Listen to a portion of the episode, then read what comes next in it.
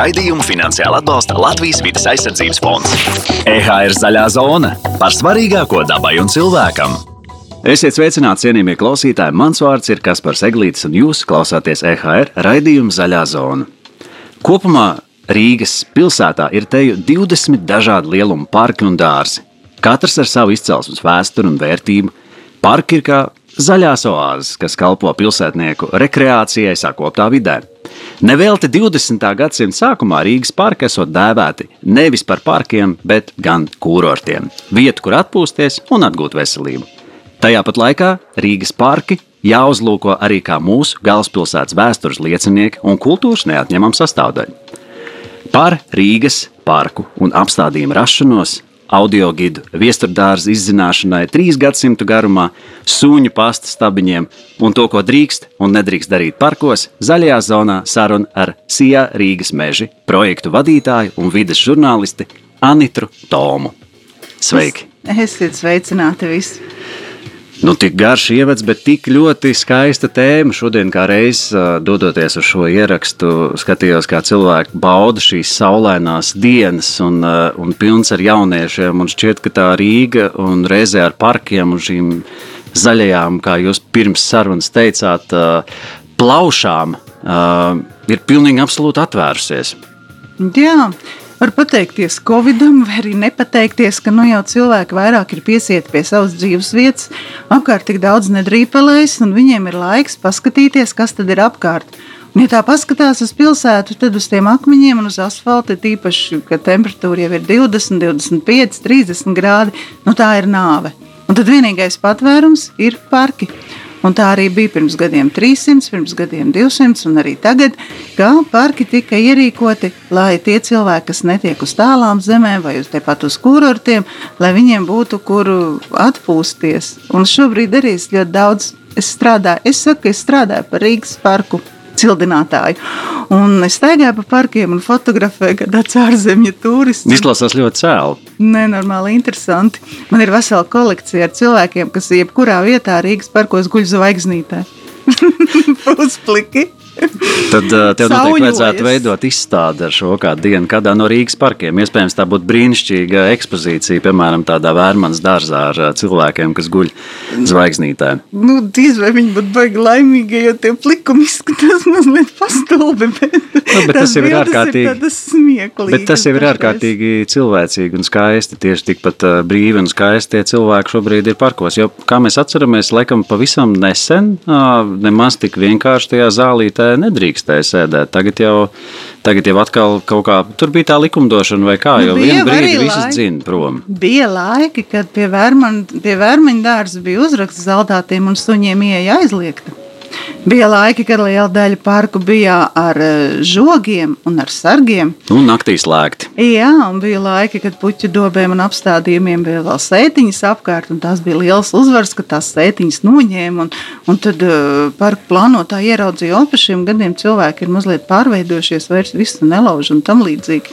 Es nu pat uh, Rīgas dārza un parku Facebook lapā ieliku tādu tā kā joku ziņu, tad, kad rokt dziļi tajās vēstures. Uh, meklējot digitālajos um, bibliotekā materiālus, dažreiz visādi joki izlaiž laukā.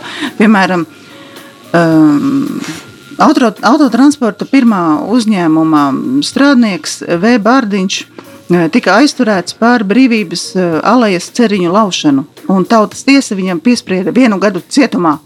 Cīņa 1947. gads. Par ceriņiem? Jā. Ja. Es nevaru iedomāties, ko viņš bija savārījis, lai viņu par ceriņiem ieliktu. Vēl būtu ārkārtīgi interesanti uzzināt, eh, ka, kam viņš tos ceriņus lauza. Jo, ja tā bija kāda skaista dāma, kurai viņš viņus gribēja uzdāvināt, tad tur jau tur ir grāmatas uh, vērts stāsts. Ka tu nav kauna tā runāt. Visiem jums ir aiz, no attaisnojums. Man tikai meitenei trīs tulpītas beigās vispār parki ir, nu, dārznieks atnāk skatās āpuķīšu, vairs nav. Nu, Labi, par, par to es domāju, ka mēs veselu tēmu vēl atvērsim mazliet tālāk. Ja mēs ieskatāmies tādā nu, padziļinātākā, varbūt nedaudz vēsturē vispār par tiem Latvijas un Rīgas konkrētāk zaļajiem parkiem, mums viņi ir daudz. Tiešām daudz, un meža parku taču arī var uzskatīt par kārtīgi lielu parku. Jā, meža parkam šogad svinēsim 20 gadu pastāvēšanas jubileju. Bet, tā, man prasa, kā sākās vērmeņdārs? Kādas tev ir versijas? Kā sākās Vērmaņdārs? Es izlasīju. Ar ugunsgrēku? E, nē, es, ne, nē, es lasīju, manuprāt, es vienreiz tieši tā arī gāju cauri Vērmanas dārzam. Man likās ļoti interesanti. Es biju kaut kur pausam, ausu galam dzirdējis par šo mužkungu, laikam, meitu Vērmani kur, kur beigās paudžu, nu, paudžu paudzēs bija ieguvuši šo zaļo stūrīti un pēc tam atstāja pilsētai. Un tas bija tas, kas, manuprāt, kaut kādā Wikipēdijā pilnīgi meli, pilnīgi, pilnīgi smīts. Bet tik skaists stāsts. Nē, stāsti ir arī vispārējie skaisti. Bet, nu, ja tā... Dāmas un kungi, tūlīt mēs uzzināsim patiesību. E, jo, nu, piedodiet, lūdzu, tad es tagad 200 gadus senā pagātnē, un nevis 300 gadus senā pagātnē. Jo, e, ja mēs par vērmeņu dārstu, tas ir otrs audio gids, kuru pēc pirms nedēļas e, mūsu uzņēmums laida klājā. Aplikācijā iziet rāvēl pilnīgi bez maksas, var iziet audio gidu, un zin, kā cilvēki to audio gidu iet.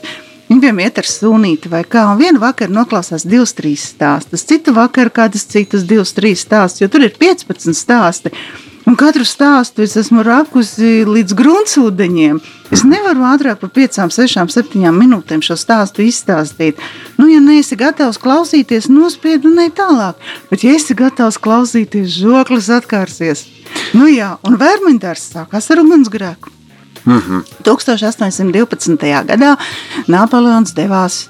Nu, tas karš jau tas Napoleona karš tāds garāks, bet Napoleons devās uz Maskavu. Nu, protams, arī izmet, nu, karaspēks meta līkums, un tā kā arī Rīgai tuvojās. Un Barklējiem Tolī bija tāda nu, tāds stiliņš, ienaidniekam neko neatstāt, visu nodedzināt. Un tā kā viss tā nodedzināts gludi, tad arī labi ienaidnieki var apšaut no stāvot uz pilsētas mūriem. Nu, lūk, un toreiz ģenerāla konsults bija Nabaga Esens. Un Esens Esenam iedeva viltus ziņu. Viņš aizsūta uh, aģentu no spiegu, ne, nu, to, kas noskatīs, nu, kā tas ir Izlūku. Izlūku, jā. Aizsūta izlūku, un viņiem ir teikts, jā, tuvojas Rīgai prošu 36 tūkstoši kareivju, tuvojas Rīgai, tad uguni klāt, lai mums ir placdarms, kur atšauties. Un tas izlūks pie Daugmals ierauga lielu putekļu, mm, putekļu mākoni. Nospried, ah, desmitais prūšu pulks tuvojas. Aizrādās tas bija ganāmpulks. Mm -hmm. Šīs nemaz neapskatās. Šīs atpakaļ saka, esenam, dedzini Rīgu, ienaidnieks tuvojas, un 24. jūlijā šie pielaiž žuguni priekšpilsētām, un nāk negaiss, un sagriežas gaisi, un viss nodega nevis tikai tās priekšpilsētas, bet 100 hektāri vairāk kā. Arī vairākas baznīcas. Nu, šausmīgs ugunsgrēks. Mm -hmm. Un, nu, Esen, protams, no amata nost, viņš jau turpina cīnīties, un viņa vietā Filipe Paulucci, Itālis. Un, uh, un tie ir tie 18 itāļu marķīza gadi. Un to stāstu var dzirdēt pie Melnā obeliska vērmaņu dārzā, uz kur ir tikai rakstīts 1812. gada 23. oktobris. Un arī es nezināju, kas tas, tas nozīmē vispār. Bet tas Paulučī tāds, ai, mani neslavējiet, ai, man nevienu pieminekli neceliet. Nu, to viņš arī panāca. Tagad neviens vispār nezina, un ja nebūtu manis, labi joks, kas izceļ šo, šo skaisto, nu, šo Paulučī ieguldījumu Rīgas jaunajā plānojumā, zaļajā zonā, tad mums liktos, ka tāda Rīga, nu, tas ir normāli. Bet pirms tam Rīga bija ar mazām līkām, šaurām ieliņām un, un mājiņām, tādām, nu, tāda ļoti saspiesta, nu, kā veci. Bet principā sanāk, ka Vērmans dārzā pirms tam bija mājas, un tas viss nodega. Nē, nē, nē, tur bija izplanāta. Tā apšaudas zona, viens eh, kanāls, eh, kur tagad ir kanāls un bastējs, un otrs dzirnaviela. Tad ir divi, divi aizsarga vaļņi, un pa tiem tā šaujam zona kuru apbūvē nu, labi ar kūtiņām, noliktavām un tā līdzīgi. Nevienam īpašumā tas nav, tas ir impērijas īpašums, jo tas ir aizsarga vieta, aizsarga teritorija.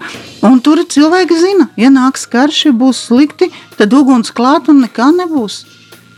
Un tagad um, nu, tas uh, karš tur kā, nu, karš beidzās, tur arī krāšņas stāsts ar garlību mērķi iesaistīti un tam līdzīgi. Bet tas jums jāklausās audio gidā. Un es vēl nepateicu, ka tas nabaga esens, kuram vācieši pēc tam bruka virsū, jo viņiem tā kā vasarnīcas nodega īpašumi, nodega viņi grauz to esenu veselu gadu, un tas nabaks uh, 1813. gada augustā noslīcinājās Baldunas sērvotos. Kurš starp citu arī ir audiogids? Jā, par Baldoni. Bet Nezvai kur tā, labi, bet kur tā, bet kur tā vērmana tur parādījās? Nu, un tagad uh, Paulučī Eiropu redzējis, izkarojies pa visu Eiropu, ārkārtīgi izglītots, augstdzimis, bagāts cilvēks. Viņš saka, nevar tādu pilsētu vairs tālāk būvēt. Un ir skaidrs, ka šādi aizsargvaļi vairs neko neaizsargā. Munīti, nu, ieroči ir pilnīgi citādāki. Nu, viņam domu, ka aizsargvaļi būtu jānojauc, to vēl neklausījās vācieši. Bet, eh, ka jaunu pilsētu jābūvē, nu, tas bija skaidrs, jo visur ir brīva vieta. Viss tā ir nodedzis. Un Paulučī teica, ka nu, šī, šī esplanāta zona tur tāpat nedrīkst neko būvēt vēl tajos laikos. Un tur uztaisīsim parku. Un vēl aulēs, nu, platas ielas ieplānoja un kokus stādīja. Uztaisīsim šeit parku, lai cilvēki ātrāk atgūstas no šī briesmīgā ugunsgrēka.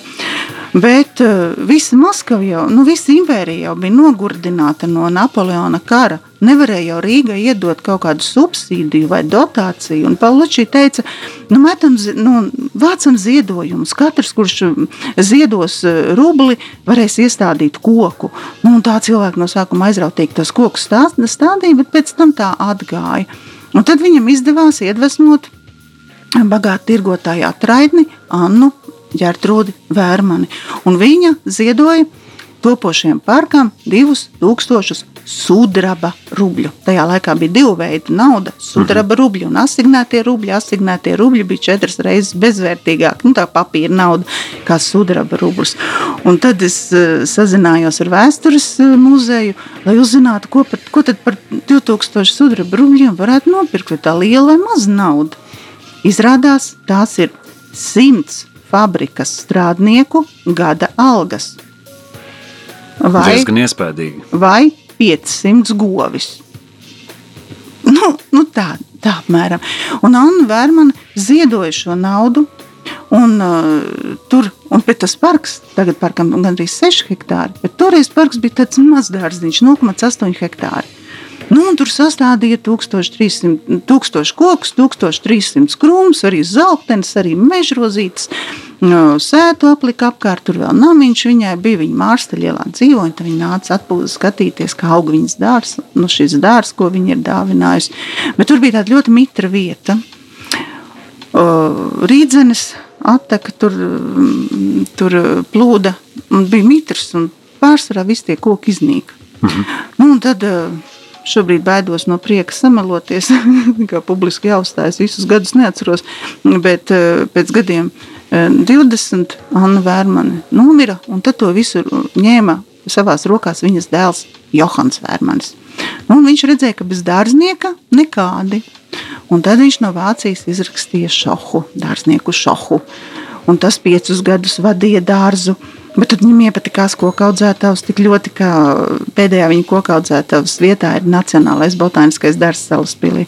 Nu, tā tur tie dārznieki mainījās, un tur bija Latvijas. Nu, dabas pētnieku, Rīgas dabas pētnieku biedrība. Un tur tie veči bija pilnīgi kā traki ar, ar, ar introducētiem kokiem. Viņam vajadzēja visādus retumus vest no dažādām vietām, un visu to stādīja vērmaņu dārzā. Viņš bija piestādīts tā kā ar kāpostiem, un tad nāca kāda barga ziema, un tad kā kaut kas, kaut kas izsalāja, lai neteiktu, ka lielākā daļa. Un tā būtībā to parku tā kā muļāja, tā kā muļāja uz priekšu, un tā 1880. gadā Rīga saprata. Tad jau arī Paluči jau nebija Rīgā. Viņš jau bija izēsts no Rīgas, jo tāds revolucionārs bija neciešams vāciešiem un krieviem, kas te liek visādas te bruju. Tā dzimbūšanu viņš atcēla. Mm -hmm. Lielākais Paluči grēks, ka viņš dzimbūšanu atcēla. Ja domāju, atņem kalpus. Visi mūža dārzi izputēja praktiski, jo nav vairs dzimbūšanas un nav kas to visu lērumu. Bet, tā, principā, sanāk, tam vajadzēja būt uh, Paulučī parkam. Tā. Nu, ja tā. Pareizi. Pareizi. nu, ja būtu tā godīgi, tad, tad iespējams jā, bet arī nu, bet, nu, vērmaņi, arī dēls Johans daudz naudas tur ieguldīja. Bet, nu, viņš bija ģenerālkonsuls un tirgonis, un tā, un tad viņš vēl mm, dabūja to zemi, kur tagad ir vernisāža līdz lidiņam, to, un tad vēl pakāpeniski līdz, kad iezīmēja tagadējo Krišaņu baroniju. Tātad visu to parku, un tad tur uztaisīja minerā, mākslīgo minerālu ūdeņu iestādi. Tā bija kaut kā, nu, tā kā mums tagad nano ūdens modē, mm -hmm. tā toreiz bija mākslīgie minerāli ūdeņi modē. Liekas, tas bija arī tuberkulozes laiks. Un tā, un Tā viss sēdēja parkā un dzēra tos uh, mākslīgos minerālu ūdeņus. Ja? Jā, šķiet, ka tā tik labi gāja, vēl labāk nekā pļaviņam tiem mūsdienu ūdeņiem, ka viņš uzbūvēja, nu, vecā minerālu ūdeņa iestāde bija tur, kur tagad ir estrāde. Mm. Un tad Vērmanis uzbūvēja, tur, kur tagad ir vernisāža, tur uzbūvēja minerālu ūdeņa iestāde, bet tur, kur tagad estrāde, tur bija restorāns, liels restorāns. Un visus tos ūdeņus. Nē, nē restorānā ēd normāli, austeris un visu kaut ko. Mums dārznieks šopavasar raka jaunu rožu dobi un, un, un nāca ārā porcelāna lauskas un austeru čaumals un pīpju galviņas un, un tā. Un atkal, ka koks stāda, tad apdeguši nodeguļi nāk ārā no 1812. gada. Iespējams ugunsgrēki, bet varbūt no kādas ēkas ugunsgrēki. Vai tā nezinu, bet tu saproti, ka ienirst tajā vēsturē ir tik interesanti. Nu, redz par to vēsturi, jā, kas to būtu domājis, ka tas ir pavisam citādāk un ka internets mēdz arī samelot, redz, šādos uh, svarīgos Rīgas faktos. Tāpēc arī visu laiku saku vērmaņdārs. Vērmaņdārs. Nu, tomēr, nu, nu, jo parasti jau labo skolotāji labo. Viņi saka, vērmanis dārs ir pareizs. tā bija patriarchāta sabiedrība. Jā, arī Anna Vērmana dalījās ar savu naudu. Tā jau bija veču sastrādātā nauda. Un viņa tikai tos pirmos 20 gadus tur ņēmās. Pēc tam jau Johans Vērmanis un pēc tam, zin, ka mēs esam pateicīgi par Arkādijas dārzu.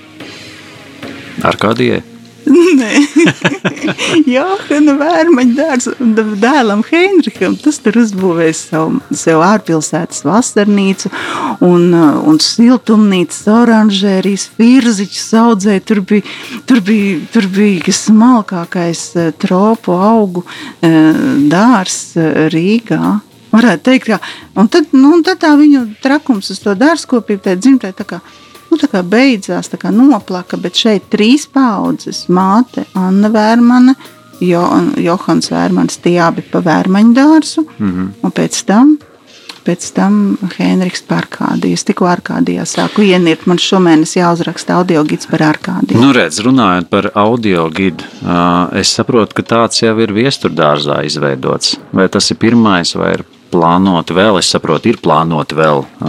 Un Jā, vai viestur vispār maz var apstāties, ja, ja šādi iet cauri? Mēs jau runājām aizkadrā par to, ka var būt nakts audio gidu un ā, dienas audio gidu un, un bērnu un vēl viss kaut kādi koku, vēl koku, koku, ka audio katrs gidu. koks var ā, vai Nu, par pat ja ne katru koku. katrs, bet mums eh, parki ir mūsu parkos, tur jau kufalds. Kufalds tur stādīja visus šos introducētos augus zeidaks. Mūsējie tagad arī. Mm. -hmm. Kā tika iestādīt kādu retumiņu, dažreiz liekas, nu iestādiet kādu Latvijai raksturīgu koku arī, nu kāpēc tikai tie retumiņi jāstāda, un tad čubina, un tad bučo, un tad ņemās, un tad skatās, vai tajā dārzā, vai manā parkā aug labāk, vai citā parkā sliktāk. Nu, tāda sacensība tur ir, nu tie cilvēki ir tik, tik ļoti aizrautīgi. Jā, un Andrejs Vilāns, Nacionālā botāniskā dārza ilgadējais direktors, tagad eh, ģer- ģenerāldirektors, viņš arī publiski raksta, ka Rīgas centra apstādījumi būtībā ir tāds publisks botāniskais dārs, kuram pāriet visa sabiedrība ar dažādu smagumu zābakiem, un tie koki izdzīvo. Bet kaut kāds šiltīts jau pie tiem ā, kokiem tur ir pielikts, vai ne? Nu, pamazām liekam, bet, bet vēl daudz darba. Bet arī viens Jo to noteikti būtu šiltīte. interesanti uzzināt, jo tajā pašā mūsu jau ilgi aprunātajā vērmanas dārzā, nu, tur arī tur ir tāds koks un, un, un, un, un, un tāds krūms, un, un vēl, nu, tur redz, ka viņš ir kaut kas mazliet netipiskāks, bet Jā, gribētu jā, uzzināt tagad ir- vairāk to iemeslu, kāpēc, nu, kas tas ir, no kurienes viņš nāk, cik Ne sen. jau visiem kokiem tā zina, nu, manžūrijas val, valrieks, tur ir pterokārija, ošlapu te Tas valrieks ir tas, kurš ir tas noliektais ar tām stutēm atbalstīts, jā? Nu, jā, to laikam visi zina. Baigais ka- večukiņš ir, jā, bet turpat blakus ir ar sarkanām lapām dišas kabārdas. Viņš ir tik skaists, man patīk pie viņa piespiesties, viņam stumbrus tā kā ziloņa kāja, tāda gluda pelēka. Mm Mhm. -hmm. Un tad es bildēju selfijas uz augšu. Mm -hmm. Tas tā skaisti, tas uzgludējis spīdīgais pelēkais stumbrs un tās sarkanās lapas. Un tad uz viņa fona tāda raiblapu kļāva ir. Mm Mhm. -hmm. Un tad ir meta sekojai šobrīd jau ir pumpi, pirmie čiekuriņi. Un tā Mariks zied tur aiz estrādes ir jāaiziet. Aiziet. Viņš tāds, tāds retums, ka mums pilnīgi bail citiem rādīt, bet dažiem jau parādam. Nos, tur aiz estrādes iestādījām. Un īve tāda varena dārzniece Alta saka, man liekas, ka man ir Rīgas lielākā īve. Es pēc tam skatījos, Basteikalnā ir vēl lielāka. Un atkal rozes. Un žēri saka, ko nu tādas rozes gan jau visādi tur ķīmiķo un tā. Dārzniece pilnīgi. Mm, kāda roze, ja grib rozi, tad vai kūts mēsls. Tur nav neviena minerāla mēsla, nevienas ķīmijas. Manas Jā, jā, tur dārznieki tiešām, tu- tiešām ņemās. Bet, nu labi, bišķiņ palicot atpakaļ pa tiem audio gidiem. Kāds ir tavs plāns, cik, uh, cik, uh, cik parkiem beigās būs un kas ir nākamais? Ja pirmais ir uh, viesturdārs, Nu jā, viesturdārzam šogad bija 300 gadi, 1720. Un tam par gada pavasari. Nu, tā bija iemesls iesākt. Mm. Jo viss sākās ar to, ka mums eh, Rīgas mežos sāka darbu jauna priekšniece Anita Skudra. Un viņa teica, nu nāciet ar neparastām idejām. Vai es uzreiz audiogids. Mm Mhm. -hmm. Man vēl brīnišķīgs kolēģis Kaspars Sērts, viņš to visu zina datorā. Iečakarā. kur ir, uh, kur ir pieejams tas audio gids? Laikam pašā. Aplikācijā Easy Travel. Easy Travel, tā kā angļu valodā, uh, vai ne? Tāds viņš. Es Tad tu telefonā lejuplādēt uh, Nu, Easy Travel tagad arī aplikāciju. meklētājā ierakstīt trīs gadsimta viesturdārs vēsturē, un tev viņš izmetīs. Nu, viņš principā parādīs. Un tad sanāk, ka šajā pašā aplikācijā tad būs arī nākamie audio gidi pieejami. Kā šis audio gids darbojas? Tātad es dodos uz viesturdārzu. Ne, tu vari arī palikt gultā. Nu, jā, nu, bet, protams, tas ir skaistāk to visu redzēt. Tātad es dodos uz viesturdārzu. Atrodi pirms sākuma punktu, tas ir Hanzas un Rūpniecības ielas stūrī. Mm. Nu, un tad es tevi vedu. Ej pa labi, ej pa kreisi, ej uz turieni, tev jāierauga tas un tas. Tagad ejam pie Pētera pirmā piemiņas gobas, tagad tālāk dodamies uz parka namiņu, nu ir kārta triumfa arkai, tagad par parka attīstību 19. gadsimtā, tad par pirmajiem latviešu dziedāšanas svētkiem, par to pieminekļu, to līniju pie tā dīķa, tad par pirmo parku dārznieku Georgu Kufaltu. Mm -hmm. Ir īsais stāsts nepacietīgajiem un garais stāsts tiem, kam patīk klausīties ilgi, jo Kufalta liktenis nu, ir nu, tāds, viņš, viņš 35 gadus strādāja Rīgas parkos. Viņš vēl, viņš vēl Pērnavā uztaisīja dārzus ļoti daudzām mūžām, nu, pa visu Krieviju. Viņš bija, viņš bija kroņa dārznieks. Mm -hmm. Un Pirmais pasaules karš. Un viņu iemet cietumā, un viņu apsūdz par, par spiegošanu, un viņam visu atņem, un viņš pazemots un pliks un nabaks ar savu ģimeni 1915. gadā aizbrauc uz Vāciju. Viss darba mūžs paslaupīts zem paklāja. Un to es stāstu viesturdārzā, jo vi, ar viesturdārzu Kufalds sāka. Viesturdārzā Kufalds visu mūžu nodzīvoja. Un viesturdārzu viņš arī tur no brikšņiem pārveidoja par tagadējo ainavu parku, jo Pēters I tur bija iecerējis to regulāro, nu tur tā kā ar cirkulu un līnijālu, tā kā rundāls pilī, nu tādu parku mm -hmm. taisīt. Toreiz 1700. gados tas bija modē, bet pēc tam jau sapratu, ka tur jau galu var dabūt to visu kopjot, tagad ainavu dārzi pēc tam nā, to nomainīja, kurus arī nemaz nav tik viegli izkopt, bet, nu, tomēr Tad, nav principā, tiešām cilvēks fiziski staigā un klausās visu šo Jā. te. Tā ir tāda nu, lielisks veids, kā kādam noiet arī tos pašus leģendāros desmit tūkstošus soļus dienā, lai, Jā. lai pareizi vēl. vēl uh, Mēs arī aizkadrā runājam par to, ka var klausīties audio gidi arī pa daļām. Pastaigājās ar sunīti, piemēram, noklausās kaut kādu pusi, nākamajā vakarā nāk klausās tālāk. Arī tā var. Jā, jo zinu, kā šis man viesturdārs, pirmais audio gids, vērmaņdārs, otrais audio gids, un gribās zināt, jo es viņu nevaru notestēt, jo es pārāk labi visu zinu. Un tad es Twitterī saviem Twitter draudziņiem eh, rakstu, bet man viņa kāda 7000, un tad es viņiem prasu, nu, kurš gribētu notestēt. Mm. -hmm. Un, un, un kā 3-4 cilvēki gāja, testēja un pēc tam Deva teica, atgriezienisko saiti. Jā, un tā. Un tieši, ka viņi nevarēja, viņi negāja vienā paņēmienā, bet nu, kur viņiem steigties? Viņiem taču neatiet prāmis vakarā. Nu, jā, nu, jā. Viņi turpat dzīvo. Kad viņiem ir, kad viņiem ir gribēšana, viņi klausās to stāstu, ko viņi vēlās. Nu, redz, tu- par stāstiem, kas attiecās uz parkiem un par to, kas tur aug, stāsti caur tiešām tādiem dziļiem sirds dziļumiem. Nu, Nu, bet audio aizrautību. neviens neklausīsies, ja es Ne, ne, bet pēc- murmulēšu ciparus Ne, bet ne tikai par audio hektārus. gidu. Es domāju, tādā ziņā, nu, ka pēc, pēc būtības tās, protams, ka tā ir gan vēsture, gan arī tā ir iespēja mums uzelpot svaigu gaisu vairāk. Parkiem ir ārkārtīgi milzīga nozīme. cilvēki nevienmēr zina, ko parkos drīkst darīt un ko nedrīkst darīt. Nu, pēdējā laikā mēs redzam, to, ka parki, piemēram, ir pārvērtušies uh, savā ziņā arī nu, pandēmijas laikā. Sevišķi cilvēki devās ēst parkos. Un tur ir savi plusi un savi mīnusi. Nu, pluss, protams, ir tas, ka svaigā gaisā sēž uz soliņa, paņem savu maltīti un tam līdzīgi. Mīnus, nu, urnas ir piemēram pilnas, un pēc tam lido putni, un tas viss iet pa gaisu un tam līdzīgi. Dažādi cilvēkiem paradumi. Ko drīkst un ko labāk nedarīt parkos. Labi, viens ir tas, ka neliks cietumā, Ceriņus bet nedrīkst, ce, nedrīkst ceriņus. Tā kā ceriņus, dobas, ziedus, vispārējo, lai arī cik skaisti laust nedrīkst. Tas skaidrs. Kas vēl? Nu, nu, nu nevajag, nevajag, nevajag laust soliņus. Um, Nu, jāuzvedās tā, kā tu būtu aizgājis ciemos pie kāda cilvēka. Tu esi aizgājis ciemos, piemēram, pie karaļa uz viņa dārzu.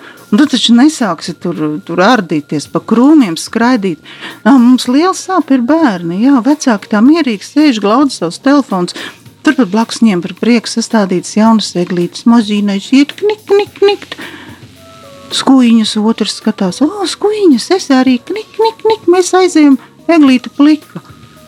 Nu, tādā bērna stiepiena, rokas stiepiena augstumā mums sirds pa muti lec ārā tik reta eglīte. Nu, tu, Ne, nu, mazais jau, protams, izzina, bet nu, tas bet ir mamma mamma. uzreiz "Ā, pretī manu dūkulīti tā iztiek un tam līdzīgi. Un, nu, nu, tas ir tā. Nu, nu, protams, mums jau vēl arī centra parkiem nāk tas, ka kājas taisa ciet patversmi. Tā viss patversmes perso- nu, iedzīvotāji nāk, sadala katram ir savs parks. Uh -huh. nu, arī dažādi uzvedās. Nu, naktīs atkal mm, ir orģijas, bet nu, tāpat kā zooloģiskais dārsts nestāst par to, kā cik, cik bieži mm, apmeklētā- ne, apmeklētāji nogalina dzīvniekus, pārbarojot mm. vai dodot kaut ko šausmīgu viņiem, kas galīgi nav jāēd. Nu, tā mēs arī nu, neizgaismojam to, eh, cik daudz sāpju ir par nolaustiem kokiem, izrautām puķiem, nozaktām puķiem, salauztiem soliņiem, piegānītām miskastēm, aplauzītiem pieminekļiem. Bet kā ir kopumā, vai sabiedrība varētu teikt, ka sabiedrība aug tajā savā nu, estētiskajā zināšanā, ka šo varbūt cenšamies kaut kā pasaudzēt, vai tomēr tas stāv vairāk uz vietas? Nu, gribētos jau tā domāt. Tagad arī lasot periodikā dažādas rakstus, es tieši ierakstīju tur postījumu parkā un, un sots un tā. Nu, visos laikos tas ir noticis. Mm. Es pat atradu tādu rakstu, nu, tajos Paulučī laikos, kad tieši no jauna tikko viņi nebija redzējuši parkus. Nu, trakoti lauza.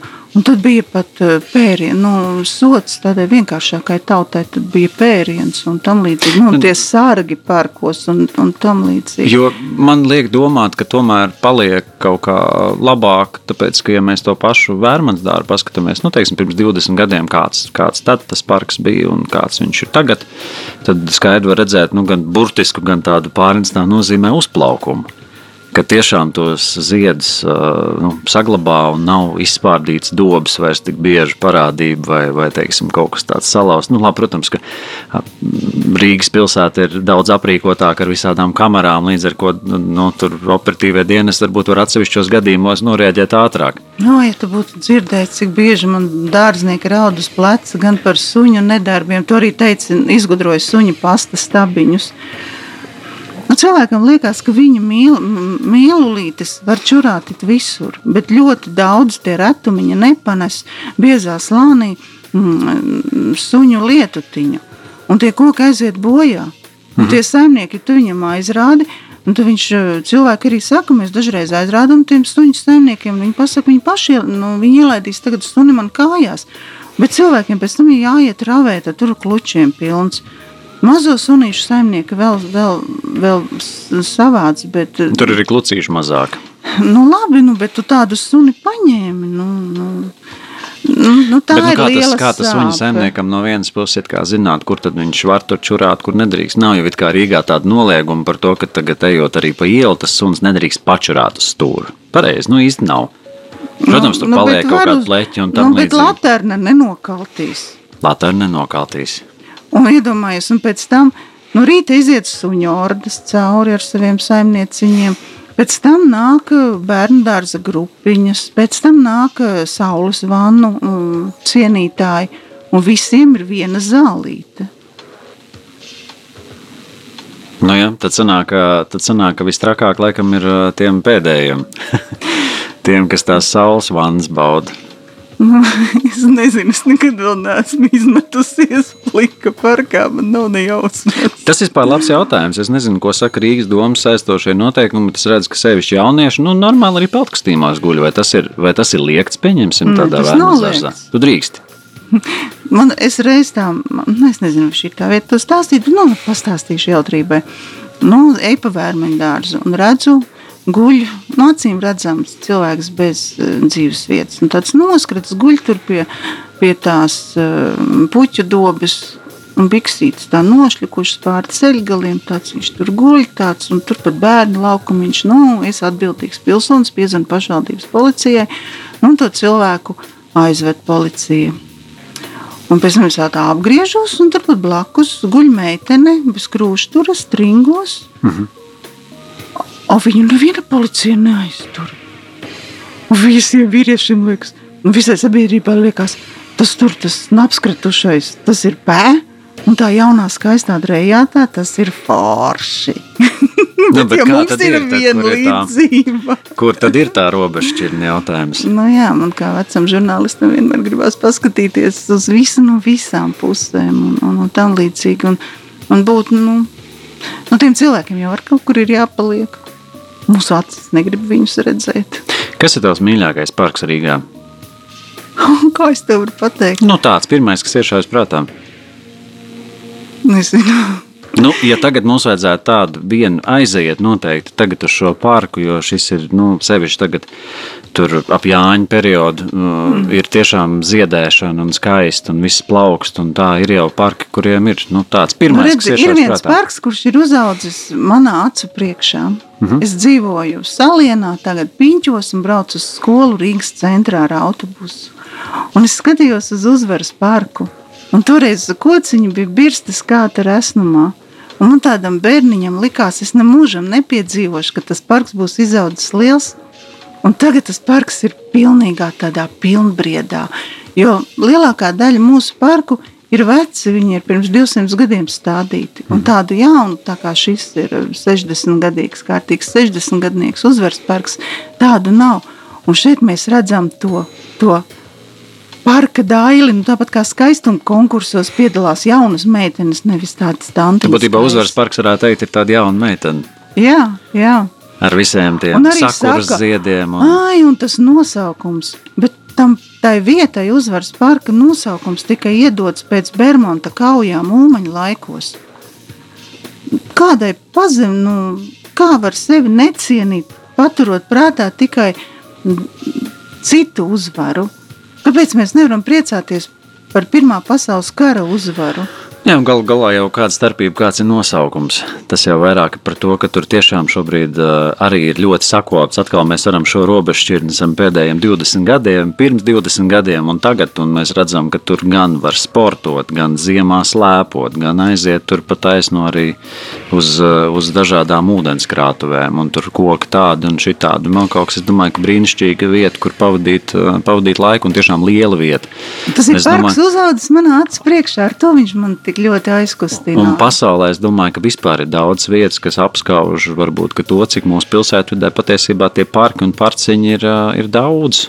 Es teiktu, ka mums viņi tiešām ir ļoti daudz, un mums ir paveicies ar to, ka mums šie parki ir tik daudz. Tāpēc ir arī vēl jau svarīgāk saudzēt tā, lai mums nu, visiem pietiktu un, un nebūtu pa maz. Un vēl tie brīnišķīgie dārznieki, nu tādi milzīgi savā amata meistari, kā Georgs Kufalds, pēc tam Ulmaņa laikos uh, Andrejs Zeidaks, padomu laikos Kārlis Barons, un mūsdienās tas, ka Rīgas parki ir iedoti uzņēmumu Rīgas meža pāraudzībā un uh, finansēšanā. Mhm. Un tad arī bija tas izlaiciens lielais, jo kaut kad 11 gadi mūsēja tikai ir pie, pie Rīgas mežiem. Nu, un tad, kad ir nauda, tad ir arī Tad ir arī puķis, tad ir uh, bagātība, tad uh, ir viss uh, sakopts kā nākas, bet, ja jānabagojas, tad ir tikai krūmi un koki un ziemcietis. Nu jā, tā kā mūsu klausītājiem es noteikti iesaku paplānot savus no, no darba uz mājām un no mājām uz darbu. Tie, kas dodas ar kājām maršruts cauri parkiem, jo tiešām ir skaisti un ir ko ir redzēt. tādas Un, zaļās, pilnīgi zaļās alējas, kā no pārdaugavas, tāds no Mārupas, Māras dīķis, Arkādija uzvaras parks, ir preses nama pa vanšu tiltu pāri, un tad atkal kanāmals apstādījumi, tur esplanāda, uh, vērmaņdārs, uh, mm -hmm. Uz otru pusi atkal zviesturdārs. Nepateicu, ka tagad es strādāju pie Arkādijas parka, pēc tam, pēc tam tas ir taisīšu- nākamais audio gids. Nu, šobrīd, jā, mm -hmm. es vienu ir ar, jūnijas paies ar kādijas parka zīmē, un tad, eh, un tad trīs kilometri kanāla malā. Un tad man liekas, ka man duka būs cauri, bet, nu, ja Bet man, tur jau būs pietiekami, ko klausīties. Es domāju, nu vismaz labs sākums, veseli trīs. Jā, bet Viesturdārs, nedēļā apmēram simts cilvēki iziet šos audio gidus lietojot. Iedomājieties, ja es strādātu par gidu, es taču galu dabūtu, lai katru nedēļu apgaismotu simts cilvēkus. Nu, tāpēc mums ir modernās tehnoloģijas, kuras nu, šajā laikā sevišķi ir, ir progresējušas un parādījušas brīnišķīgs veids, kā ne tikai izkustēties, bet tiešām pabaudīt arī skaistas un zaļas lietas Rīgā. Anita, es teikšu lielu paldies par sarunu. Ļoti interesanti. Klausītājiem novēlēšu apskatīties uh, Easy Travel uh, pieejamo pirmo audio gidu un drīzumā jau sagaidīt arī nākamos novēlēšu otrais veiktus. arī divi gadu simti vērmaņdārzā. Tātad ir divi. Jā. Divi gadi simti vērmaņdārzā. uh, Un trīs, Trīs gadsimti viesturdārs. Drīzumā Arkādijas parks un vēl uh, kanāla un, un, un tiešām ir kur iet. Skatos jau uz esplanādi, tur arī ārkārtīgi interesanta vēsture ir. Ziedoņdārzam ļoti interesanta vēsture. Grīziņkalnam, Dzeguškalnam. Māras, man gribās to Arkādiju paķert vēl kopā ar tā tur. Nu, novēl, lai viss, lai viss izdodas un lai mums ir brīnišķīgas lietas, ko klausīties.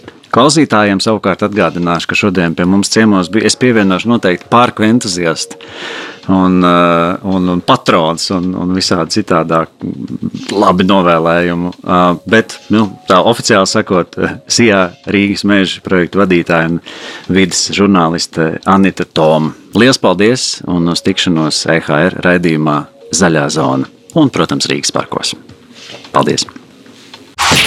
Raidījumu finansiāli atbalsta Latvijas vidas aizsardzības fonds.